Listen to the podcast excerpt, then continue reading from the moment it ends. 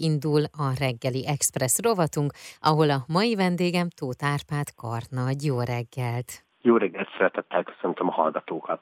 Tizedik alkalommal rendezitek meg a kórusok éjszakáját június 11-én, most a Budapest Palota negyedben, és hát pont azt beszéltük ugye interjú előtt, hogy végre újra lehet személyesen találkozni.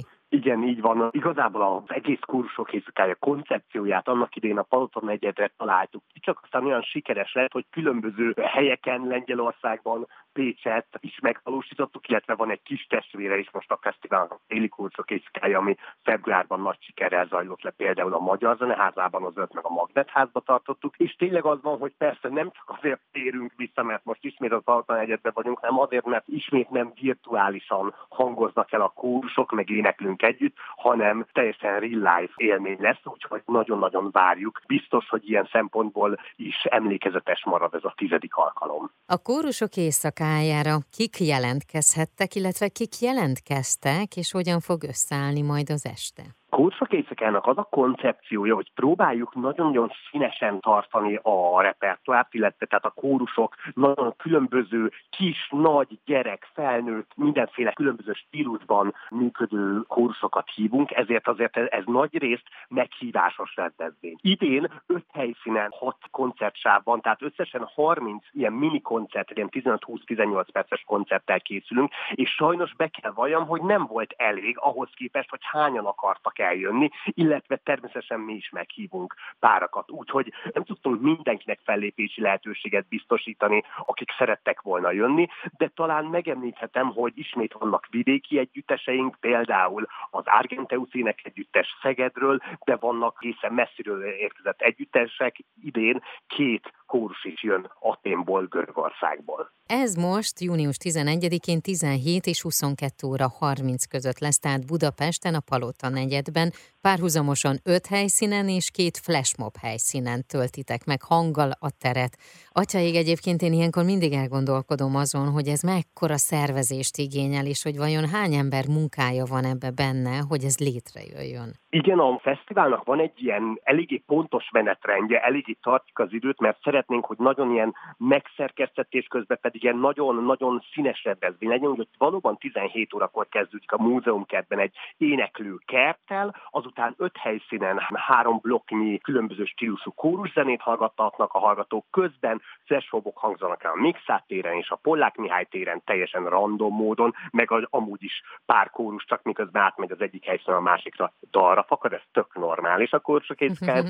Aztán ismét egy éneklőkert következik, aztán ismét különböző blokkok, különböző helyszíneken, és végül a közös éneklés a pollákon. Hát itt talán így elmondva is sejthető, hogy a Csíkszert, a Egyesület, amelyik a Csíkszal kórussal szervezzük ezt az eseményt, meg velük is találtuk ki. Hát ez az nagy ereje, hogy rengeteg nagyon, mondhatom, hogy nagyon felelősségteljes önkéntes munkával valósul meg. Az előzetes, tehát az, az elmúlt hónapokban mintegy 40 önkéntes dolgozott velünk, és a helyszínen akkor pedig 100 fölé rúg azoknak a száma, akiknek a munkája anélkül nem jöhetne létre az esemény. A kórusok milyen művekkel készülnek? Erről van már valamilyen előzetes információ? Természetesen. Elsősorban stílusban tudom behatárolni őket, ugyanis természetesen ilyenkor a, nem csak a pandémia miatt, de a nyári időszak miatt a kursoknak az egy eléggé változatos, meg eléggé, hogy is mondjam, ilyen fluid időszak, tehát így sok minden változik körülöttük. Ezért mindig úgy mondjuk, hogy csak a stílus határozzuk meg nekik, és akkor ők változtathatják azon belül azért a programjukat. Vannak vannak népzenei együtteseink, mint például a Virágzó Ének Együttes, vagy például a Görögországból érkező kóref, aki csak női hangokra átdolgozott görög népzenét fog énekelni, csodálatosan énekelnek. Egyébként, de vannak ilyen úgynevezett hagyományos kórusrepertoárba tartozó énekkarok, ezek azok az együttesek, például a Falutnegyedben otthon levő Vasas Művész Együttesnek a kórusa ilyen, akik elsősorban a hagyományos kórusrepertoárt és a hagyományos kórusértési hagyományokat képviselik, aztán vannak természetesen könnyű zenét éneklő együttesek, mint például a Song Factory tudnám kiemelni, vagy a KVV kamarakórus, akik poposabb repertoárral érkeznek, és természetesen a kórus éneklőknek ismerősen hangozhat, de talán a közönség nem annyira érti, ez az úgynevezett régi zenei repertoár, ugyanis nagyon furcsa módon a hagyományos kórus éneklésnek a virágkora nem a 20. vagy a 19. század, hanem igazából a 15-től a 17. századig tehető, és ilyen kategóriákban szólalnak meg a különböző együttesek. Ugye most is lesz közös éneklés, ez a záró mozzanat a Pollak Mihály téren. Itt el lehet árulni, hogy mivel készültök, vagy ez majd ott fog kiderülni, vagy aki szeretne már egy picit rákészülni, annak lehet-e valamit? természetesen nagyon-nagyon jól ismered a rendezvényt, ezt el kell, hogy mondjam.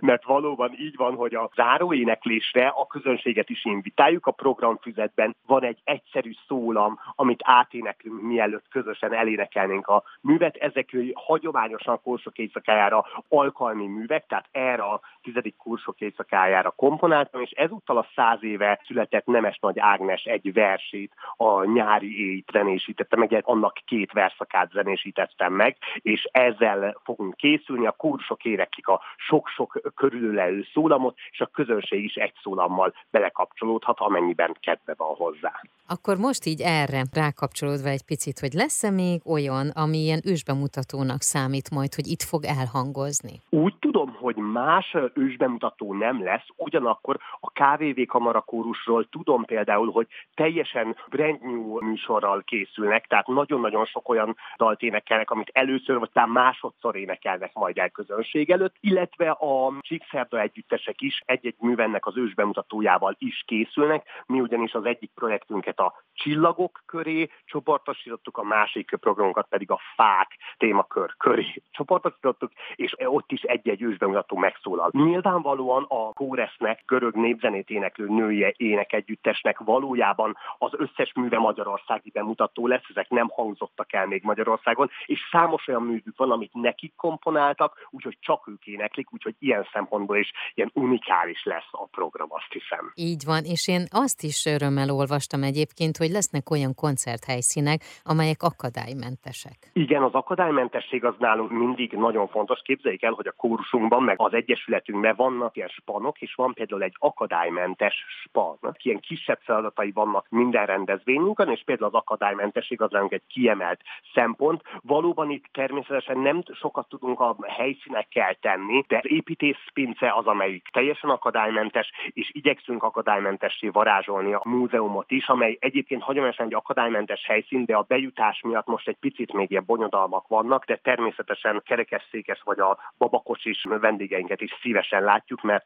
megoldódnak ezek a helyzetek hagyományosan a Csíkszerdában. És minden információt pedig a kórusokéjszakája.hu weboldalon megtalálnak. Kívánom, hogy rengetegen legyenek mindegyik helyszínen. Nagyon szépen köszönöm, és valóban szeretettel látunk mindenkit. 11-én szerveznek programot azok, akik szeretnek vidám, meg éneklő embereket látni, netán még velünk is énekelni. Nagyon szépen köszönöm. A reggeli Express mai vendége Tóth Árpád Karnagy volt, akivel a tizedik kórusok éjszakájáról beszélgettem.